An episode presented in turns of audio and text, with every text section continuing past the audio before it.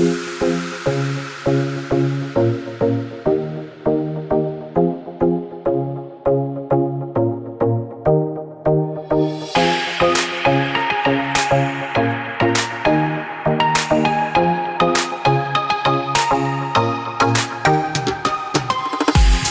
denne episoden har jeg med meg Emad Salah som gjest. Han jobber som mentoransvarlig på Guttas campus, noe han går mer inn på i episoden. I tillegg holder han foredrag og er en uformell relasjonsforsker.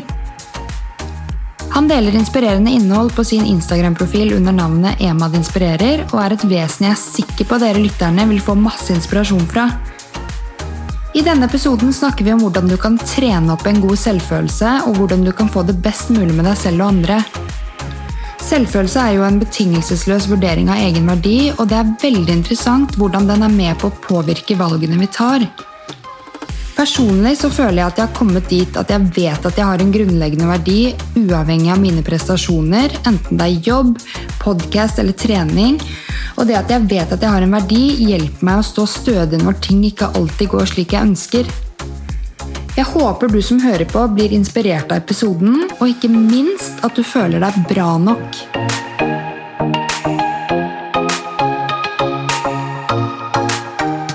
Velkommen så mye til inspirasjonspodden Emad Sala. Jo, takk for det. Vi har vært Instagram-venner en stund, da. Um, men vi har ikke fått møtt hverandre fysisk ennå. Nei, dessverre. Det er, eh, det er en litt eh, tristere verden vi lever i per nå. ja. Men vi har bursdag på samme dag, og uh, jeg kjenner meg igjen i mye av det du legger ut, og typen du er. Så jeg, jeg syns det er skikkelig gøy at du er med i denne podkasten og skal snakke om et viktig tema. Og jeg er veldig glad for å være først og fremst født på samme dag, men også for å være på podkasten din. Så det gleder jeg meg til. Ja, så bra. Eh, Vi skal snakke om et viktig tema, selvfølelse, men først har jeg lyst til å høre litt eh, mer om deg, sånn at lytterne også blir litt bedre kjent med deg. Du kaller deg en eh, såkalt uformell relasjonsforsker og legger ut masse inspirerende innhold på Instagrammen din. Hva var det som fikk deg til å drive med det, og har du vært gjennom noe som fikk deg ekstra interessert i, i relasjoner og ja? Ja, absolutt. Eh, Jeg kan jo starte med å si at eh, uformell relasjonsøving det er en grunn til at, eh, eller uformell relasjonsforsker det er en grunn til at jeg har sagt uformell, fordi det er en selverklært tittel. Så det er Jeg har jo vært veldig interessert i relasjoner og hvordan vi mennesker samspiller med hverandre. Eh, og kom på at eh, vet du hva, jeg har lyst til å ha en sånn, ja, en sånn uformell tittel, og så ble det uformell relasjonsforsker. Ja. Som gir meg egentlig en sånn slags retning. Men i utgangspunktet så startet jeg jeg, og, altså jeg er utdannet som barne- og ungdomsarbeider i, i bunn. Eh, har jobba i- har jobba med barn og ungdom i snart 13 år. Eh, Starta egentlig å jobbe i barnehage med de aller minste, og så har jeg på en måte jobba med litt eldre barn sånn utover årene. Eh, til å begynne å jobbe med tenåringer. Eh, og så har jeg jobba med voksne mennesker, både mennesker som på en måte trenger å få et lite push i sitt eget liv, men også mennesker som skal jobbe med barn og ungdom. Eh, og per nå så jobber jeg for et ideelt AS som kalles Guttas campus. Eh, Ja. og der jobber vi med eh, niendeklassinger som sliter litt med skolemotivasjonen sin, og som trenger et lite faglig og personlig og sosialt løft. Så de er med på en intensiv læringscamp som går over to uker. og Vi tar med oss 50 niendeklassinger eh, på en læringscamp som er da eh, et sted i Oslo. Og har de med i disse to ukene der de får intensiv eh, boosting, rett og slett, som vi kaller det. I både fag, men også på det sosiale og personlige. Og så har vi da en oppfølgingsplan, altså vi følger dem opp gjennom våre mentorsentre, som da varer i ett og et halvt år etter læringscampen. Så det er på en måte det jeg gjør per nå. Herregud, det er superinteressant. Og det med guttas campus høres sinnssykt viktig ut, fordi 9. klasse er jo en veldig sårbar alder, både for jenter og gutter. Um, hvorfor gikk dere akkurat eh, på kun gutter? Ja, det er et fint spørsmål. Det blir ofte stilt. altså Hvorfor eh, fokuserer dere på gutta, eh, når vi vet at både gutter og jenter sliter? Og da Mitt enkle svar på det er at ja, eh, det er ikke et problem at altså Først og fremst vil jeg si at gutter er de som skille seg på de negative statistikkene i de som på en måte gjør det dårligst på skolen. Eh, det er de som stiller dårligst med fag, det er de som, eh, de som stiller dårligst med i tanke på det å fullføre både videregående og høyere utdanning. Så vi vet eh, av erfaring og av forskning at gutta eh, gjør det mye dårligere i skoleprestasjoner. Mm. Eh, og det er ikke et problem at guttene gjør det bedre, men det er et problem at gutter ikke har det så bra på skolen, syns jeg da. Absolutt. Og så er dere jo ikke så altså Du er flink, men du har sikkert trent deg opp til det. Men veldig mange gutter er ikke så flinke til å snakke om følelser. Um, og selv om jenter og gutter er født forskjellig på veldig mange måter, så eh, har jo dere følelser, dere òg. Men jeg bare har inntrykk av at uh, det skal mye mer til for å ha dype samtaler med kompiser. da ja, absolutt. absolutt. Og det, det, ligger jo litt sånn i guttas natur at det er kanskje litt vanskeligere. Litt, uh, altså, det handler jo også om samfunnet vi lever i. Det har ikke vært så veldig vanlig før kanskje nå de siste årene at gutta deler, uh, snakker om følelser, uh, viser sårbarhet. Og det har jo vært egentlig kanskje det største problemet. altså Det er kanskje en av faktorene, hovedgrunnene til at gutta gjør det eh, såpass dårlig bl.a. på skolen. Eh, jentene er mye flinkere til å snakke og vise sårbarhet kanskje enn gutta. Mm. Men det som er jo veldig interessant å se, da, er at gutter som viser sårbarhet, viser det i form av blant annet, altså de viser det på andre måter. De viser det i form av bl.a. sinne, aggresjon, vold og annen dårlig atferd. Mm. Og det som er jo trist med det, er at hvis de ikke får altså Alle vi har jo disse følelsene, men hvis vi ikke får dem på en sunn og positiv måte, som f.eks. i form av prat og snakk og samtaler, mm. så vil det da gå ut i en mer negativ eh, måte. Og det er det, Derfor så ser vi veldig ofte at gutta skiller seg på de negative statistikkene. Mm, absolutt. Eh, har dere mye fokus på eh, samtaleterapi eller sånn veiledning på guttas campus? Ja, absolutt. absolutt. Vi bruker jo mye eh, altså Vi bruker det her samtaleformen. Eh, vi er jo veldig opptatt av å skape gode relasjoner. Og vi vet jo at eh, når vi liker hverandre, så lytter vi mer til hverandre. Mm. Så når vi på en måte har lyst til å eh, utfordre gutta eller stille dem krav som vi tenker er bra for dem, så er jo vi veldig opptatt av at vi først og fremst i bunn har en god relasjon. Så vi jobber veldig med denne relasjonsbiten for å kunne nå inn til gutta og kanskje stille dem til vekst når det er nødvendig. Mm, det er så sant det at eh, relasjonen må være i bunn for at eh, det skal være en positiv utvikling hos folk. Da. Og særlig de som trenger å, eh, å, endre seg på noe eller vokse på noe. Det hjelper ikke at en person som En streng lærer som alltid kaster deg ut av klasserommet og eh, driter deg ut foran klassen, da, eh, skal eh, også være den trygge personen du går og åpner deg til. på en måte. Det må være en du liker, som du sier. Ja, absolutt. absolutt. Og jeg, jeg, vet jo at det finnes mange superlærere der ute, heldigvis. Mm. Der hvor på en måte elevene føler seg trygge, de føler seg sett og ivaretatt. Men jeg har også møtt på de elevene som har lovet å aldri sette foten i en skole på ny igjen, fordi det har vært et total eh, altså, altså, Opplevelsen av å bare være på skolen har vært såpass forjæklig rett og slett, mm. at de ikke ønsker å være der igjen. Mm. Og det, det, tar man med seg videre. Selv når man på en måte vokser og blir voksen, så har man sånn negativ fokus på det med skole, og det gjør noe med deg på veien. Mm. Har du en egen erfaring som gjorde at du kom inn på eh, Eller ble interessert i å hjelpe gutter i den alderen og jobbe med um, relasjoner og uh, fokusere mye på hvordan man kan få en god selvfølelse? Ja, absolutt. Jeg eh, kan jo si at jeg var jo en slags eh, det vi kaller for dropout-elev den gangen da jeg begynte på videregående. Jeg visste ikke hva jeg hadde lyst til å gå på, og da endte det med at jeg valgte byggfag. Og de som kjenner meg i dag, vet at jeg er så lite handy som det lar seg gjøre. Så de skjønner hvordan jeg havna der. Men altså, poenget, grunnen til at jeg havnet der, var rett og slett trygghet. Eh, trygghet, utrygghet, men det handlet om at jeg hadde noen kompiser som hadde valgt det, den linjen. Og da tenkte jeg oi, nå har jeg noen jeg kjenner, noen jeg er trygg på. Da mm. velger jeg den samme linjen for å havne i samme klasse. Men visste jo ingenting om veien videre. Og så endte det da selvfølgelig med at fem måneder senere så fant jeg ut at dette her var ikke noe for meg i det hele tatt. Jeg kunne ikke se for meg å jobbe som en tømrer i 20-30 år fremover. Og så endte det med at jeg droppa ut etter et halvt år fordi det ikke var noe for meg. Mm. Men så begynte jeg da på eh, altså Året etter så gikk jeg på det som vi kaller for helse og sosial, eh, og gikk under eh, linje barn og ungdom. Og der fant jeg, hvis jeg kan si det, jeg fant mine gaver i mine oppgaver. Fordi jeg fant ut at eh, jeg hadde faktisk et lite sånn, altså et talent som jeg ikke visste om. Nå handler det med dette med samspill, det å være i relasjon med mennesker, det å bry seg, det å føle at andre har vondt. Eh, så jeg følte mye mestring gjennom studien. Og når jeg da var ferdig eh, på videregående, så ble jeg lærling og begynte å jobbe i en barnehage. Mm. Og Der møtte jeg på en utrolig dyktig veileder, som var da min mentor i barnehagen.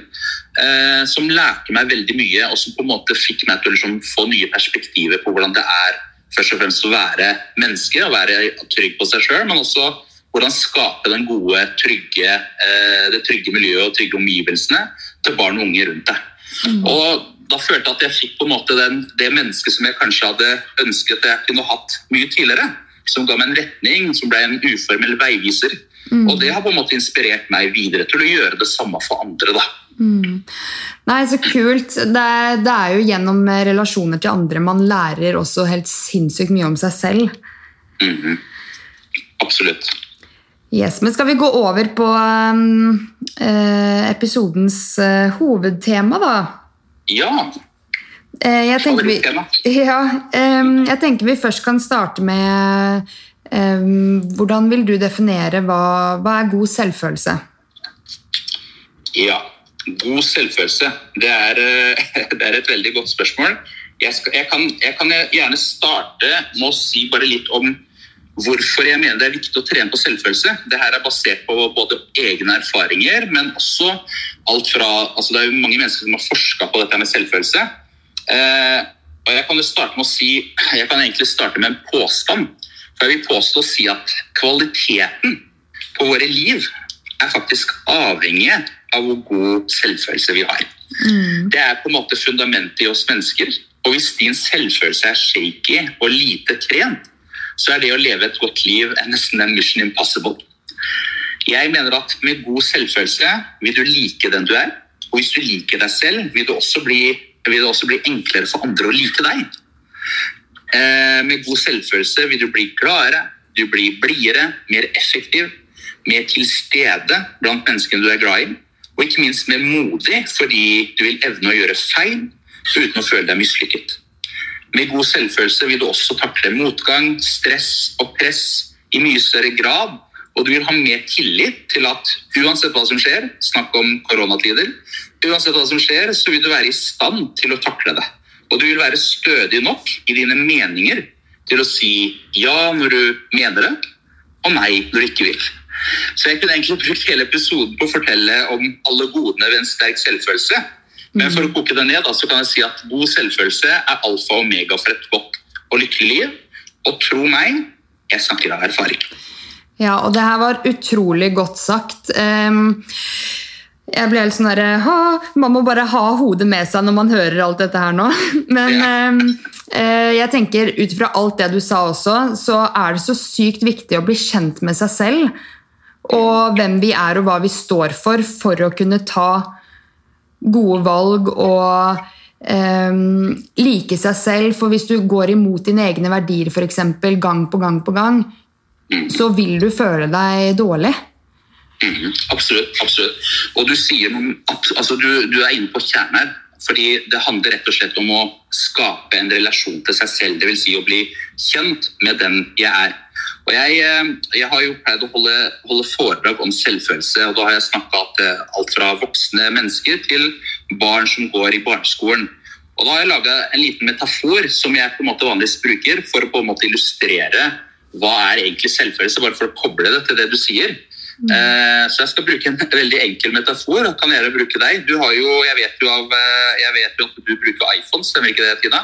Du har nettopp gått fra Huawei til iPhone igjen, så det stemmer. Ja, ikke sant? Så du, og, du, og, jeg antar også at du er på lik linje som meg og alle andre som bruker en god del tid på telefonen. og det vil si at du har en god relasjon til telefonen din, du kjenner den godt, du vet eh, innstillingene til appene osv. Mm. Og hvis jeg da spør deg nå, Tina, eller hvis jeg sier til deg, hvis jeg hadde fortalt deg nå at vet du hva, den telefonen du bruker nå, det er egentlig ikke en telefon, men det er et menneske som kan snakke, den kan gå, den kan til og med lage barn, den kan spise på lik linje som oss.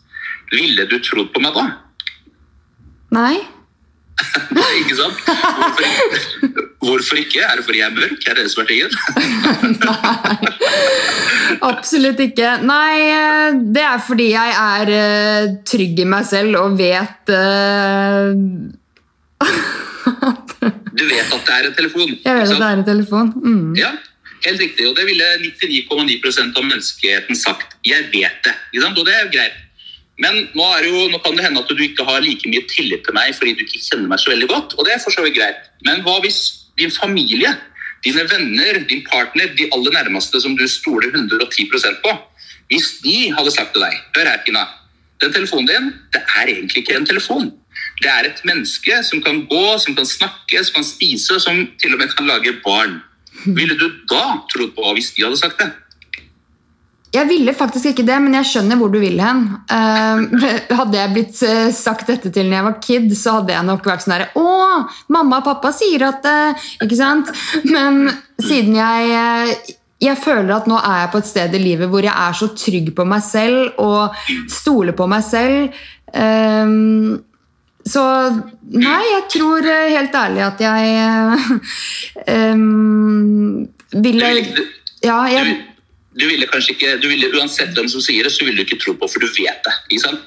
Ja, og det handler ikke om at jeg Og jeg skal absolutt ikke ha tillit til andre enn meg selv, er, men eh, når man stoler på seg selv og sine egne vurderinger, så, mm. så tror jeg det det er det viktigste før du på en måte hører på hva alle andre har å si. Og, for folk kan komme med så utrolig eh, ufakta, holdt jeg på å si.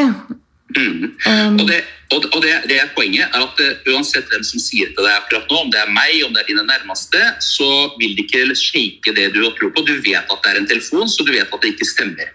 Og det er jo poenget. Men her kommer twisten, for, for det er alltid en twist. For Nå har både jeg prøvd, nå har, familie, nå har, din familie prøvd. Ingen klarte å overbevise deg om at dette ikke er en telefon. Men her er twisten. Hva skjer med deg når noen kommer og forteller deg?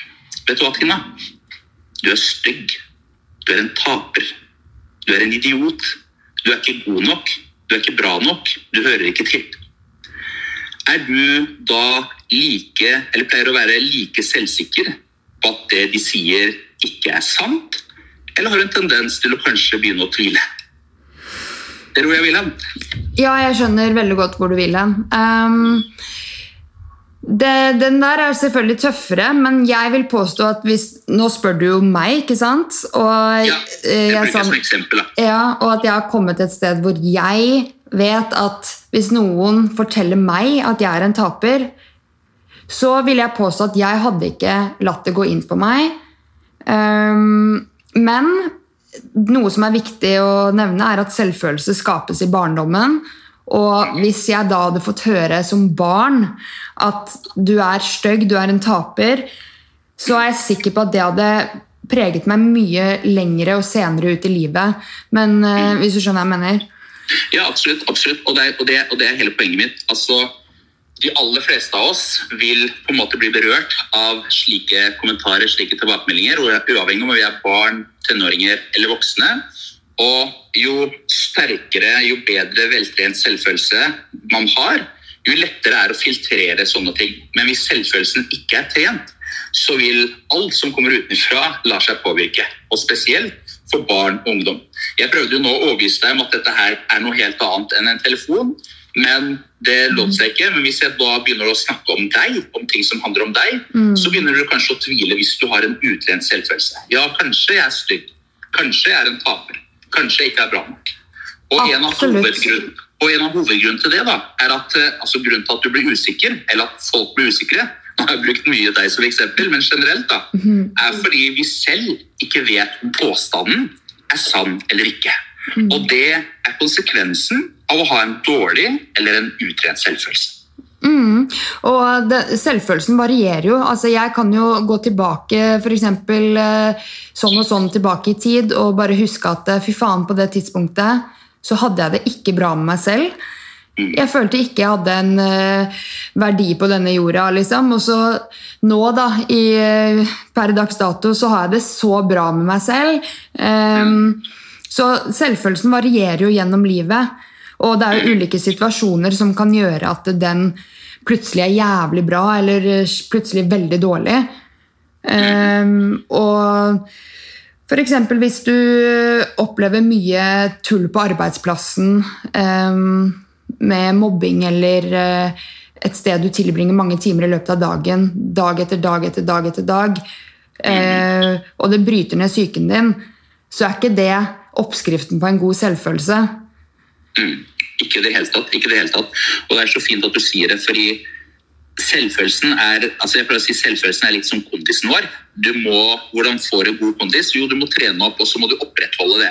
Det hjelper ikke å gå og trene på mølla i to uker og satse på at nå har ha en god eh, kondis for resten av livet. Jeg må trene hele tiden. Og på lik linje, selvfølelsen, det må man trene på, også, det må man også trene over tid.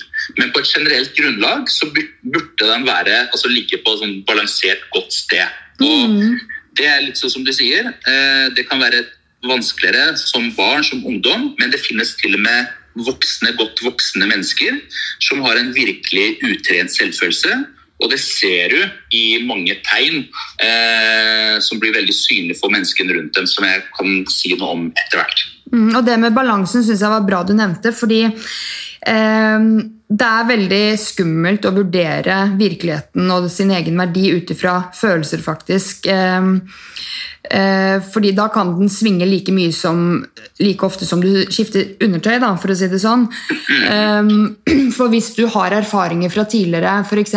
hvor du eh, fikk veldig mye kjeft og kritikk, og så eh, med en gang noen sier et eller annet som får deg til å kanskje reagere, så gjør du Eller begynner du å snakke til deg selv ut ifra hva den personen sier fordi det trigger noe du har vært gjennom før, f.eks., så vil den selvfølelsen svinge så utrolig mye.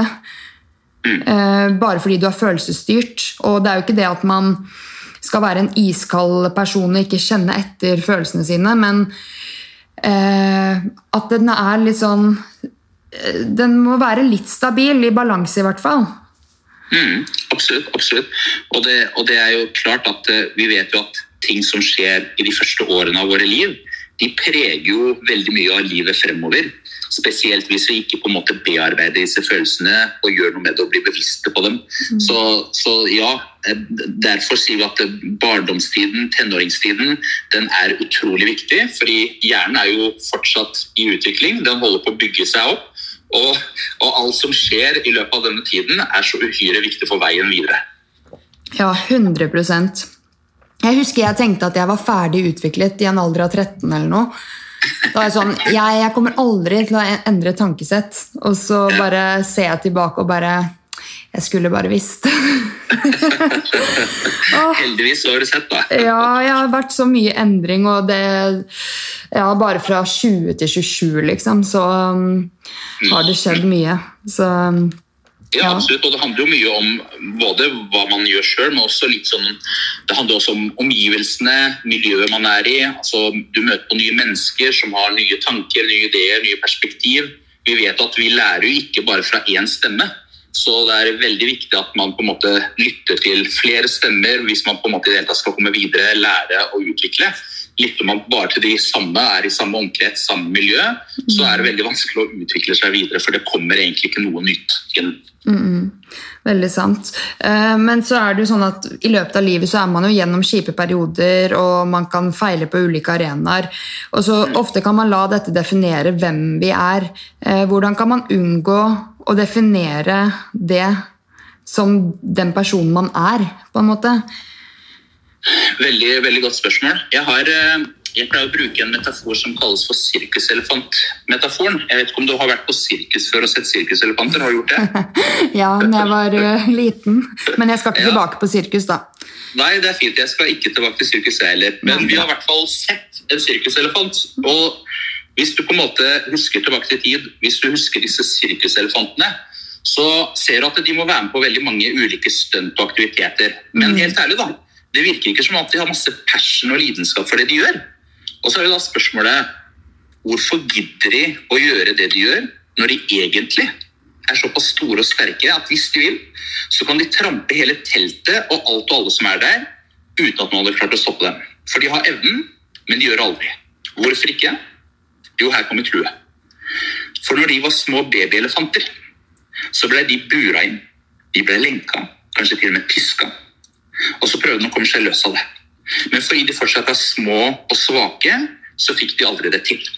Og etter å ha prøvd og prøvd og prøvd over tid, så gir de opp, og så sier de til seg sjøl nei, dette her vil jeg aldri klare fordi jeg er ikke god nok, jeg er ikke sterk nok, jeg er ikke stor nok. Sånn er det, og sånn vil det alltid være for resten av mitt liv. Så når de blir store og sterke sirkuselefanter, så har de alt som skal til for å løsrive seg. Men oppi hodet så går fortsatt den samme regla fra da de var små. Kan ikke, klarer ikke, er ikke god nok, er ikke bra nok. Sånn er det, og sånn vil det alltid være. Og da er jo spørsmålet, da. Tror du ikke noen av oss mennesker kan bli litt sirkuselefanter en gang iblant? Åh, jo, jeg kjente jeg fikk helt vondt i hjertet, egentlig. Fordi Åh, nei, men um, Jo, absolutt. Uh, og Tenk på de gangene du har sagt ja til ting som du egentlig hadde lyst til å si nei til. Jeg vet, og hvorfor man gjør ting kun fordi man tror at andre forventer det av deg. Mm, mm. Det også er eh, Det er så trist når man faktisk lever et sånt liv og ikke tar valg kun på grunnlag av hva er det som gjør meg lykkelig. Hva, hva er det jeg bør gjøre for, at, for å føle meg bra? Og så Ja, så det er det jeg elsker med å bli eldre, faktisk. Det er at man Eller jeg skal ikke si mann, for det er mange som ikke klarer det, men uh, det har i hvert fall uh, gjort masse med meg og mine valg i livet, da. Mm. Og du har jo tydeligvis blitt tryggere i deg selv eh, fordi du har mange gode relasjoner rundt deg. Du er god til å, altså, altså både til å skape gode relasjoner, være god mot andre, og dermed så får du mye godt tilbake, som igjen booster og bygger opp selvfølelsen. Fordi det er kanskje den beste måten å bygge selvfølelse på, er i relasjon med andre. Gode relasjoner. Det er på en måte alfa og omega for å bygge det sterke, sunne fundamentet. Og det har jo tydeligvis du hatt spesielt i de senere årene. Og på det du, det du sier når du snakker om dette med å gjøre det man eh, har lyst til, det, da er du egentlig inne på de her, det jeg kaller for eh, altså tegn på dårlig selvfølelse, eller tegn på at selvfølelsen har kanskje behov for å trenes opp. Så jeg har egentlig tre tegn. Det er liksom de tre vanligste tegnene som de aller fleste vil kjenne seg igjen i, som jeg gjerne kan dele. Mm, gjerne. Ja, jeg kan jo starte med den første, som er kanskje den, altså det her er standarden hos alle mennesker. Og det er nummer én du gjør ting kun for å vise andre at du kan, i stedet for å gjøre det du selv har lyst til. Så du går egentlig bare rundt og gjør det du tror andre forventer av deg. Jeg har, eh, som sagt, jeg jobber med barn og ungdom. Eh, jeg kan jo ta noen eksempler fra tenåringslivet, altså hva ungdommer som jeg møter på og jobber med, eh, forteller. Ja, eh, F.eks. at du som ungdom, som tenåring, drikker alkohol, ruser deg eller nasker i en butikk for å bevise dine venner at du tør og kan, selv om du egentlig ikke liker å gjøre det. Mm. Jeg har møtt på altfor mange ungdommer som verken liker alkohol eller rus, men som benytter seg av det likevel. Og når du spør dem hvorfor gjør du det, hvis du ikke liker det, så sier du veldig enkelt jeg vil ikke skille meg ut. Mm. Jeg eh, vil ikke være den ukule. Det er, eh, hvis jeg ikke gjør det, så vil de andre se på meg som mindre kul, og da føler jeg meg mindre verdt, og dermed så vil jeg kanskje ikke så jeg kanskje føle meg utenfor, og derfor gjør jeg det. Men egentlig, innerst inne, så liker jeg det ikke. Mm. Jeg hadde, jeg hadde, en, eh, jeg hadde en, eh, en, ungdom for eh, litt siden. Han fikk en han fikk en eh, straff eh, på seg fordi han hadde vært med på et eh, grovt ran. Der hvor de, han og tre andre kompiser hadde ran, prøvd å rane en kiosk, og så ble de tatt for det. Og Det som, var, det som sjokkerte meg ved han, er at jeg kjenner ham veldig godt. Og jeg vet at han er verdens søteste bamse, egentlig, når du kjenner ham. Han er jo så, så snill og god, tenker man liksom, spesielt når du blir kjent med ham. Mm. Så ville du aldri sett for deg at han ville vært med på noe sånt. Og så spør jeg han i etterkant av hva er som egentlig skjedde. Så sier han jo vi satt en kveld hos eh, noen kompiser. Eh, og så begynte vi å snakke om eh, noen, eh, noen eh, serier som vi hadde sett på, som handlet om grov vold og ran osv. Og, så sier jeg hvor kult hadde ikke det vært å gjort det samme. Og så begynte vi å tøffe oss og bare snakke om det høyt. Og plutselig, før jeg visste om det, så var vi midt oppi det, der hvor en kompis hadde skaffet noen finlandshetter og hadde tatt med eh, noe, noe, våpen, altså i form av kniv og etc. Og så står jeg og sier at jeg vet om en kiosk i nærheten som vi kan rane, og så tjener vi litt penger.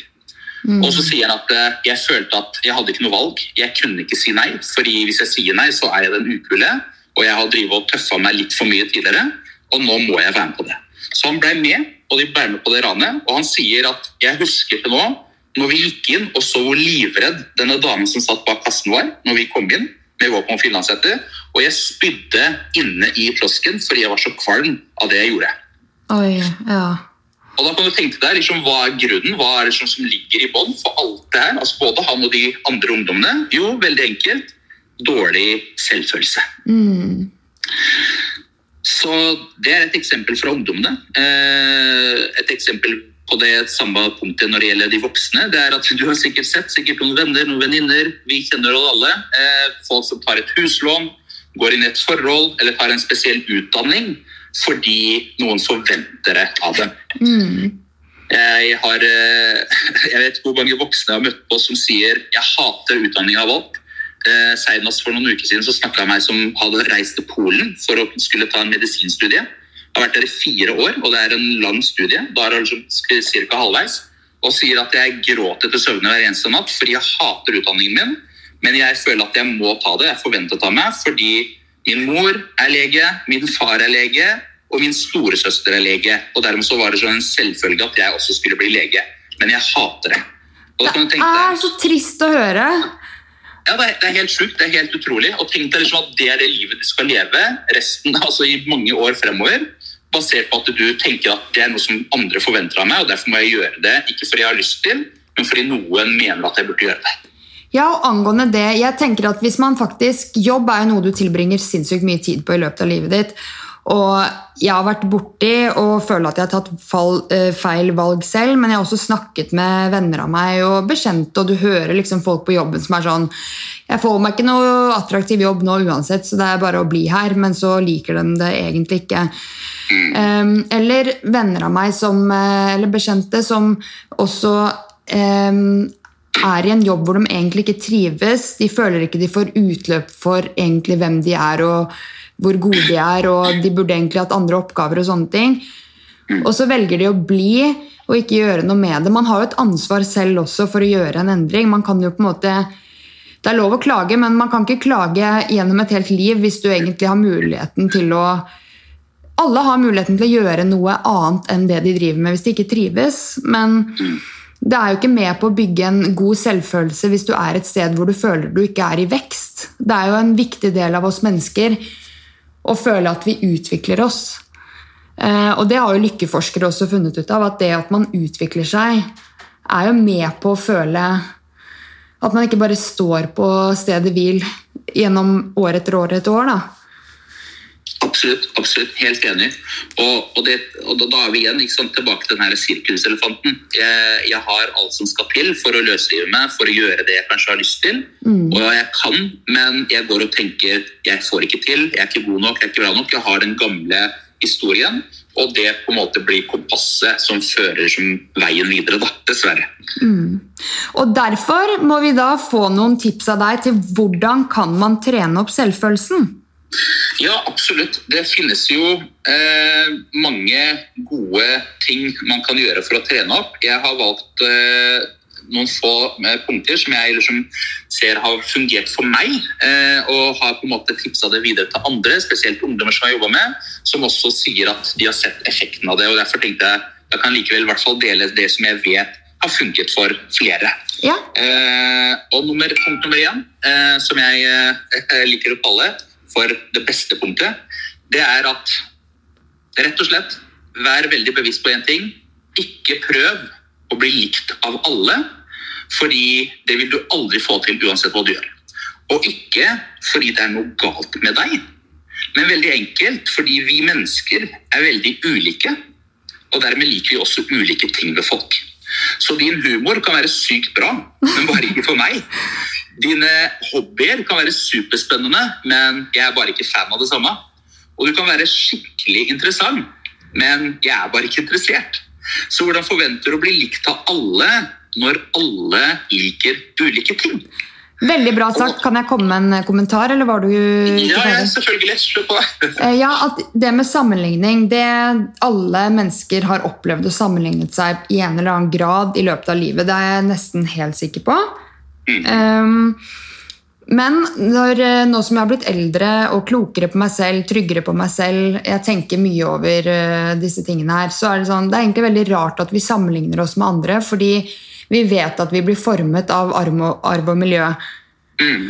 Og vi har uh, ulike gener, altså vi kommer fra ulike steder, vi kommer fra ulike rollemodeller, alle disse tingene her.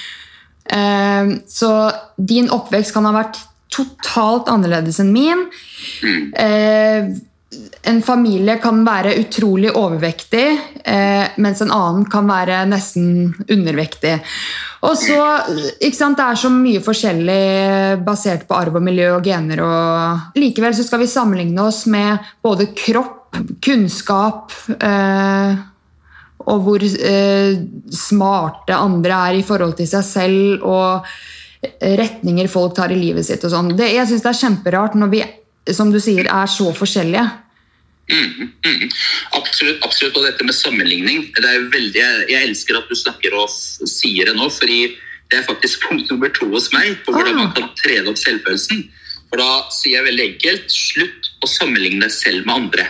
Det vil alltid være noen som er smartere enn deg, flinkere enn deg, vakrere enn deg, bedre enn deg. Men ingen er alt på én gang. Alle vi har både våre styrker og våre begrensninger. Og selv om noen ser skikkelig lykkelige ut på sosiale medier, så betyr ikke det at de faktisk er lykkelige. Det finnes mange som bare gjemmer seg bak sin, bak sin fasade fordi de er usikre på seg sjøl og er livredde at noen oppdager deres bløff. Så jeg pleier å si spesielt til ungdommene ikke la nettet stresse deg. Det er ikke alt som du ser på nett er nødvendigvis sant. Så sammenligning det er kanskje den beste måten å unngå å få en dårlig selvfølelse på, er å slutte å sammenligne seg selv med andre. Du, ja. har dine, du, har dine, styrker, du er god på dine ting, og du behøver ikke å være like god på alt, men du kan bli god på veldig mye. Ja, og Noen tenker sikkert sånn å, ikke sammenlign deg med andre, jeg har hørt det en million ganger før. Men mm. jeg bare vil si at neste gang Du kan godt si at jeg blir ikke påvirket av andre, og jeg har blitt så trygg i meg selv. Og sånne ting. Og det er mm. supert hvis du som hører på, har det, men Eh, bare legg merke til hvis du er f.eks. på sosiale medier, eh, og så plutselig så Uten at du kanskje tenker over det, så Uken etter så blir du helt eh, gæren eh, etter å spise grønn salat. Eh, og du, du, snakker ikke så fint til deg selv fordi du ser plutselig noe i speilet som eh, du kunne ønske ikke var der. Og så investerer du i noen veldig veldig dyre sko, f.eks. Og det kan ha skjedd fordi du har blitt påvirket uten at du egentlig tenker det pga. sosiale medier. Og så tenker du åh, jeg kan ikke spise denne pizzaen med god samvittighet fordi du har blitt eksponert for grønn salat eh, gjennom bare sunne profiler hele uken. Eh, og så er det folk som har lagt ut retusjerte bilder av rumpa si, og så, eh, og så kan du tenke sånn derre det er det som har blitt skummelt med sosiale medier, er at jeg tror ikke du tenker over alle inntrykkene du tar innover deg. Da. Du gjør faktisk ting ubevisst. At plutselig så er du eh, veldig opptatt av dyre sko den uken og bruker flere tusen på de fordi du egentlig har blitt eksponert for veldig mange med dyre sko den uka. Mm, mm. Absolutt. Oh, så deilig at du sier det. Eh, eh, word, rett og slett. Og, det, og, og da, da, er vi inne på eh, et annet punkt som jeg på en måte syns jeg er viktig å være bevisst på hvis du skal trene selvfølelsen din. Og det er at husk én ting. Du gjør feil, men du er ikke en feil. Mm. Jeg, jeg, kan ikke, jeg, kan ikke, altså jeg, kan ikke, telle hvor mange mennesker jeg har møtt på som ikke klarer å skille uh, det de gjør, med det de faktisk, eller den de faktisk er. Mm. Så jeg pleier å si du gjør feil, men du er ikke en feil. Uansett hva du gjør, så må du huske det. fordi det er en stor forskjell på det å gjøre noe idiotisk, det å være en idiot. Det, det, å være er noe annet enn å gjøre. Mm. Og alle kan gjøre feil og si feil ting iblant. men det betyr ikke at du er en feil. Feil er en hendelse og ikke en person. Og du er en person, ikke en hendelse. Og det er viktig å skille. Mm. Veldig bra sagt. Eh, så da har du nevnt noen viktige ting. Er det noen flere ting du har for å trene opp selvfølelsen? Ja, jeg tror jeg har en, jeg kan si en siste en som jeg syns også er veldig veldig fin og veldig viktig. Eh, og som har fungert selvsagt for meg. Og er rett og slett å være god mot andre. Så enkelt som det er, vær god mot andre. Jeg tror mange av oss undervurderer effekten av å gjøre andre gode, spesielt når vi ikke har det så bra. Du tar faktisk vare på deg selv ved å ta vare på andre. For idet du er opptatt med å hjelpe de rundt deg, fokuserer du kanskje mindre på deg selv og egne problemer. Det betyr ikke at du skal se bort ifra dem, men det betyr at du kan endre på fokuset. Bare tenk på sist gang du gjorde en virkelig god gjerning mot noen, f.eks. Hvor godt føltes det? Det gir oss en god følelse, og det er den selvfølelsen som på en måte blir boosta når du gjør godt mot andre, og når du kanskje ser at du får god respons tilbake fordi du har vært god og raus. Jeg tror det kanskje er den aller beste måten å bygge god selvfølelse på, nemlig ved å være til nytte for andre. Helt mer, enig. ikke sant? Og jo mer godhet du viser mot folk, jo større er faktisk sjansen for at du får noe godt tilbake. Og da vil du føle på stolthet og selvrespekt, som igjen vil booste opp din selvfølelse. Mm, og det handler ikke engang om å, å nå skal jeg bli likt av flest mulig, men den følelsen faktisk at det, du føler deg godt ved å gjøre noe godt for andre, det er så viktig. Og da har du det bedre med andre også. Og en annen ting jeg også vil nevne sånn erfaringsmessig, det er også hvis du er nysgjerrig på andre mennesker og faktisk lar de dele ting om sitt liv og eh, prate om seg selv, så, så gir det også en god selvfølelse, fordi da får du Du kan få så mange gode relasjoner ved å være nysgjerrig på andre mennesker. da. Absolutt. absolutt. Relasjoner er jo på en måte altså det er byggesteinen i i det fundamentet kalt selvfølelse. Jo flere gode relasjoner jeg har, jo flere stein, altså de her vil, altså jo flere sånne byggestein vil jeg ha i fundamentet mitt, som bygger selvfølelsen min. Og jo flere gode relasjoner jeg har, jo høyere selvfølelse vil jeg ha, og jo flere mennesker vil jeg ha til å kanskje bli tatt imot av hvis jeg skulle falle. Så hvis du ser på de menneskene som har svak eller lav selvfølelse, Ofte er det mennesker som er veldig dårlige på relasjoner, har kanskje ikke lært å skape relasjoner. Eh, skremme folk bort, rett og slett, eh, i måten de er på, måten de snakker på, som gjør at folk ikke har lyst til å omgås dem. Og da får det motsatt effekt, nemlig en dårlig selvfølelse. Men gjør folk dette ubevisst? Ja, altså både og. Eh, vi gjør jo Jeg kan jo si ting uten å være klar og tenke over det som kanskje ikke er bra for relasjonen jeg har med andre. Men jeg tenker at alle vil på en måte drite seg ut en gang iblant, og det er for så vidt greit. Men du kan bli knallgod på relasjoner jo oftere du prøver. Jo oftere du setter deg ned, prøver å lytte, prøver å være interessert fremfor å være interessant. Ikke sant? Veldig ofte når vi sitter i f.eks. et møte, vi skal på en date, vi skal på et jobbintervju, så har vi ett fokus, og det er at eh, nå skal jeg fokusere på hvordan jeg blir mest mulig interessant. Og tingen med det er at da vil alt fokus handle om deg, og så glemmer du den andre. Mm. Så jeg pleier å si til folk slutt å fokusere på å være interessant, fokusere på å være interessert. For i det du lytter til og er til stede, gjett hva? Da blir du faktisk ganske interessant. Ja, det er så sant. Vi alle har vel en venn eller bekjente som eh, alltid klarer å snu en prat om til seg selv. Hvor plutselig handler hele samtalen Du merker at noen har behov for å lette på hjertet og dele litt uh, følelser, og så plutselig handler den samtalen om en helt annen og dems historie. Og Det er en uting, syns jeg, at man alltid vinkler ting over på seg selv. Man skal selvfølgelig komme med egne erfaringer, og, og dette her hjalp meg sist jeg følte det sånn. men Eh, noen bare klarer å snu en situasjon virkelig om til seg selv og fronte seg selv og meg, meg, meg. Ja, så jeg tror alle har en sånn i livet sitt. me, me, myself and I. Og det, og, og, og det, er så utrolig slitsomt hvis det på en måte skjer altså hver eneste gang vi skal ha en samtale. Og da velger du, altså, gjennom, altså kanskje ubevisst, men pga. den atferden, pga. måten du er på, fordi du er så fokusert på deg selv, så vil det være kanskje mindre hyggelig, mindre interessant for meg å ta kontakt med deg neste gang. Da er det kanskje ikke du som er først på lista når jeg skal ta med meg noen på tur eller skal opp på hytta. Da velger jeg kanskje deg bort fordi jeg føler at det er for mye. Er, du tapper meg for energi. Det er jo de menneskene som vi Du har sikkert opplevd det før. Telefonen ringer, og så ser du på displayet, og så popper et navn, og så mister du all energi bare av å lese navnet. Du vet ikke engang hva, hva de vil, du vet ikke hva de skal si, men bare å lese navnet, så klarer de faen meg å tappe deg for energi. Ja, er ikke det, det- rart? Ja, Egentlig. Ja, er, ja, men det betyr at det For folk legger jo igjen spor etter seg. Venner eller nye mennesker du møter. Eh, om det er på en bursdagsfest til eh, venninna di, liksom, eller eh, en venn du har fra før av, så legger de igjen spor. Hvordan fikk denne personen meg til å føle meg? Det er jo det, de, det, er jo det man husker, liksom. Hvordan føler jeg meg rundt denne personen? Mm, mm, absolutt. absolutt. Åh, så fint at du sier det. Hvordan er jeg i møte med andre? Hvordan er andre i møte med meg? Det er, eh, det er, det er liksom et godt spørsmål å stille seg sjøl. Jeg, eh, jeg eh, har jo en kollega av meg som jobber jo også på Guttas campus, som har vært på poden din tidligere, Marco El Safadi. Ja. som du kjenner til. Eh, og Han har jo en veldig fin tese der han sier at eh, han, han prøver å stille spørsmålet. Han sier det, husk og vit at du vil alltid bli beskrevet sånn som du får andre til å føle. Så hva får andre til å føle i ditt samvær? Det er noe å tenke over. Og det, det ligger jo veldig mye i det. Hva er det jeg får andre til å føle når de er sammen med meg? Er jeg på en måte festbremsen i gruppa? Eller er jeg den som faktisk gir folk et lite løft? Sånn at de kanskje har lyst til å invitere meg neste gang de skal på en bursdagsfest eller på en tur, eller kanskje de ringer meg når de trenger noen råd og tips og sjå og hei. Det er veldig, veldig, veldig greit å være bevisst på hvem er jeg i møte med andre.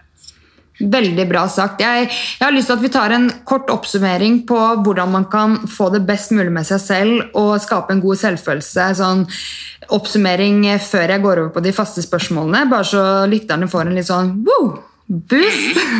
Absolutt, absolutt. absolutt. Eh, veldig enkelt. Nummer én, prøv å bli like godt kjent med deg selv som du er kjent med din telefon. Det vil si at eh, Hvis du bruker to-tre timer hver dag på telefonen din, så er det for så vidt greit. det er opp til deg, Men prøv å bruke noe tid også på å bli kjent med deg selv. Hvordan blir jeg kjent med meg selv? Et godt, et godt, en sånn veldig enkel, fin oppgave som du kan bruke, det er å prøve å beskrive hvem du er, uten å bruke navn, eh, alder, adresse og hva du kanskje jobber med. Men bruke liksom egenskaper. Jo, jeg er en raus person. Bruke egenskaper som at jeg er, eh, jeg, jeg, snakker, jeg er ærlig person, jeg er lojal. Dette er ting som på en måte er egenskaper i deg.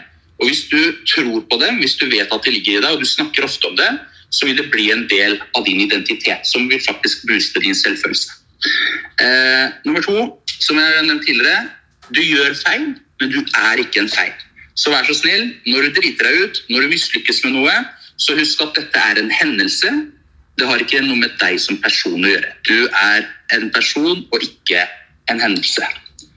Nummer tre, som jeg eh, sa var favoritten min, det var jo det her med å være god mot andre. Og kanskje ta det begrepet som kalles for raushet, som handler om å være god mot andre som kanskje ikke fortjener det. For det er veldig lett å være snill mot folk. Snille mennesker er lett å være snill mot. Men mennesker som kanskje ikke du opplever som like snille, men du likevel klarer å være god mot dem, da er du raus. Som er på en måte storesøstera til snille. Ja. Og det siste vil jeg bare si. Eh, rett og slett ikke prøv å bli likt av alle, for det vil du aldri få til uansett hva du gjør. Og igjen, ikke fordi det er noe galt med deg, men veldig enkelt fordi vi mennesker er veldig ulike. Og dermed liker vi også ulike ting ved folk. Og bare for å sette det på spissen, da. Tro det eller ei, men det finnes mennesker blant oss som ikke liker sjokolade. Og da kan du tenke deg, Hvis selve sjokoladen, som er såpass likbar, ikke evner å bli likt av alle, hva får deg til å tro at du skal bli likt av alle? Så det å bli likt av alle det er en Mission Impossible som selv Tom Cruise aldri ville klart å gjennomføre. Så ikke ha det som et fokus. Veldig godt sagt. Er du klar for faste spørsmål? Ja, absolutt. Hvordan starter du uken best mulig? Hvordan jeg starter uken best mulig? Ja. Eh, vet du hva? Jeg har eh, en, eh, en vane som er litt sånn basert på min bakgrunn og min eh, tro, og det er at jeg starter mandager med å faste, eh, rett og slett, fra mat og drikke.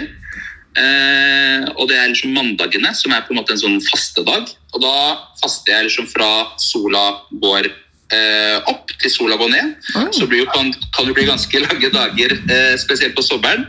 Men det er en sånn veldig fin start for meg, for da, da, trenger jeg ikke å bruke tid og fokus på at nå er jeg sulten, nå er jeg tørst, nå skal jeg spise. Da har jeg liksom ro og får liksom denne kontakten med meg sjøl. Når vi snakker om dette å skape en relasjon med seg sjøl, det er rett og slett å bare kjenne etter, bli kjent med seg selv. Hvem er jeg?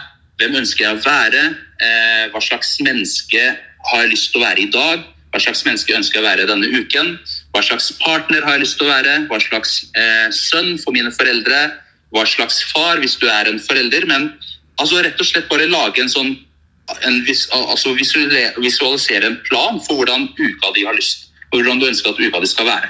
Og Hvis du gjør det allerede første dagen i uka, så er sjansen mye større for at du faktisk får det til, og at du praktiserer utover uken. Fordi du allerede har tenkt på det, du har blitt bevisst på det, og da er det mye enklere å finne det også i hverdagen. Jeg vet ikke om eh, du har opplevd dette før, men det er sikkert noe som du kanskje kjenner deg igjen i.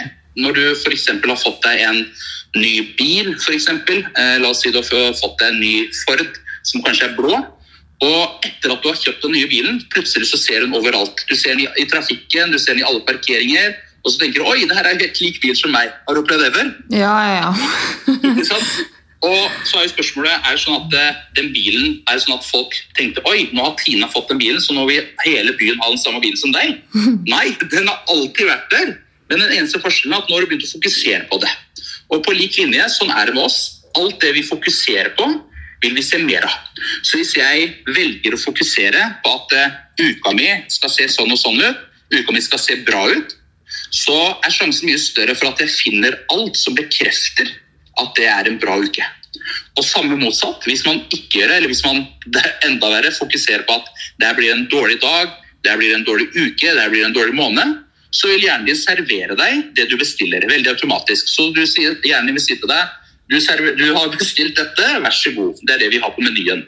Fordi du har bestilt en dårlig dag, bestilt en dårlig uke og bestilt en dårlig måned. Og Dermed så vil det også bli et dårlig liv over tid.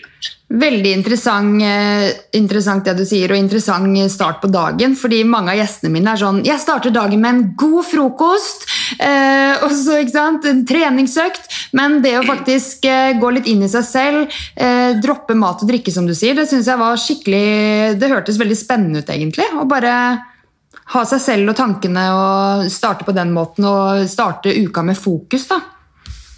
Rett og slett. Og det kan høres veldig ekstremt ut hvis man aldri har gjort det, men jeg kan love deg at hvis du venner deg til å faste over tid, jeg har gjort det egentlig i mange år, så har det blitt en selvfølge for meg nå, men det er verdens deiligste følelse. Det å bare føle seg liksom Oh, det, altså den, den, tomheten altså tomheten i form av at du ikke har mat og en, altså drikke og næring i det, men likevel så føler du deg superenergisk.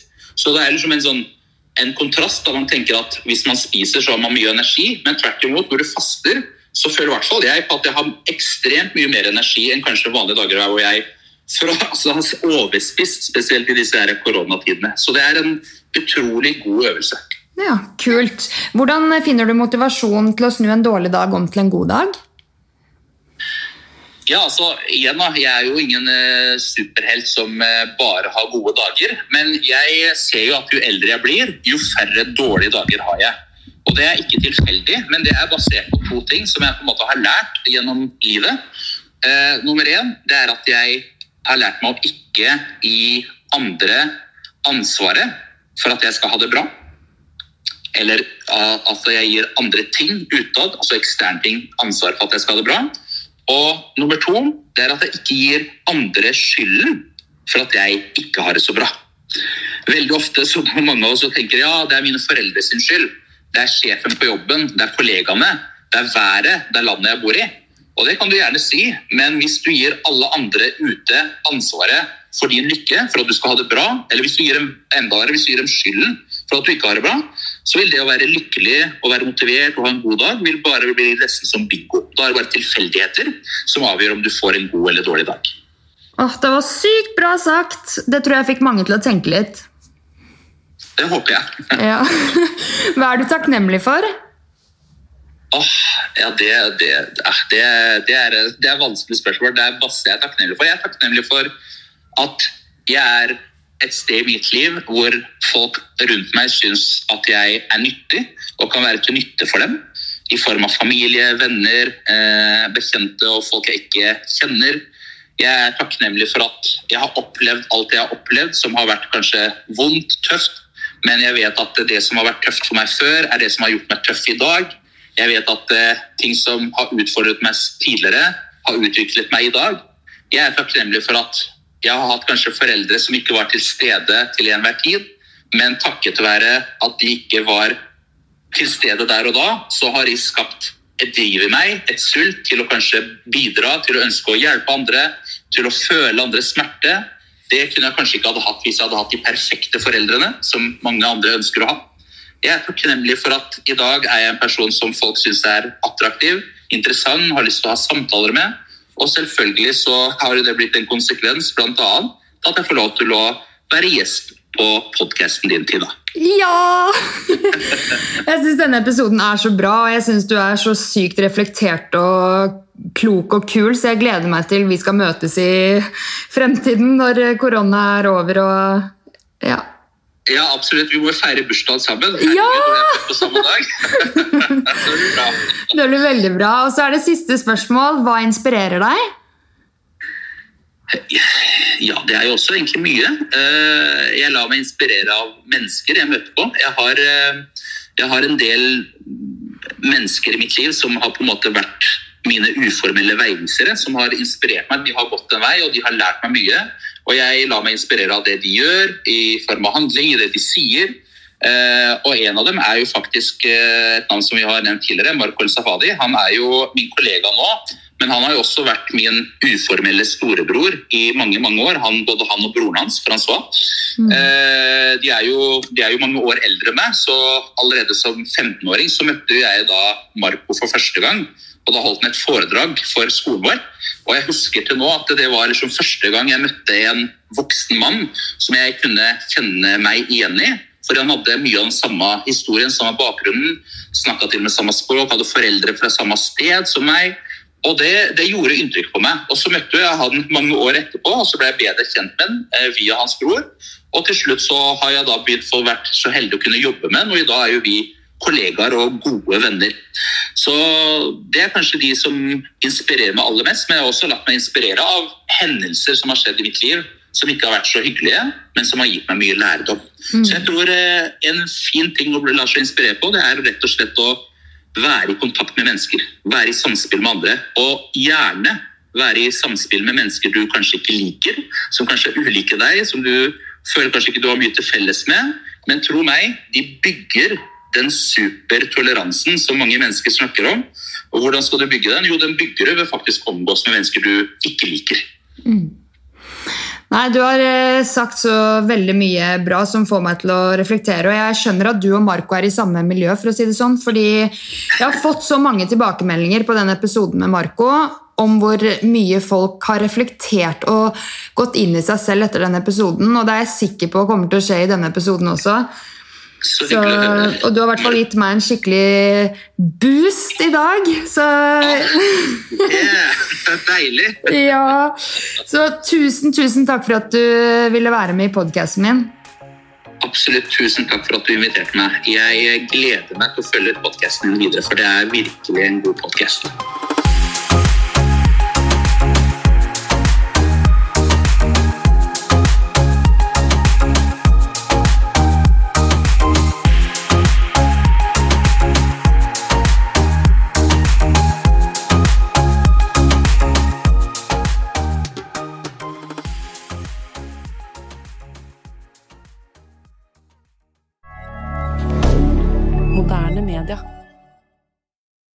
Har du et enkeltpersonforetak eller en liten bedrift? Da er du sikkert lei av å høre meg snakke om hvor enkelt det er med kvitteringer og bilag i fiken, så vi eh, gir oss her, vi. Fordi vi liker enkelt. Fiken superenkelt regnskap.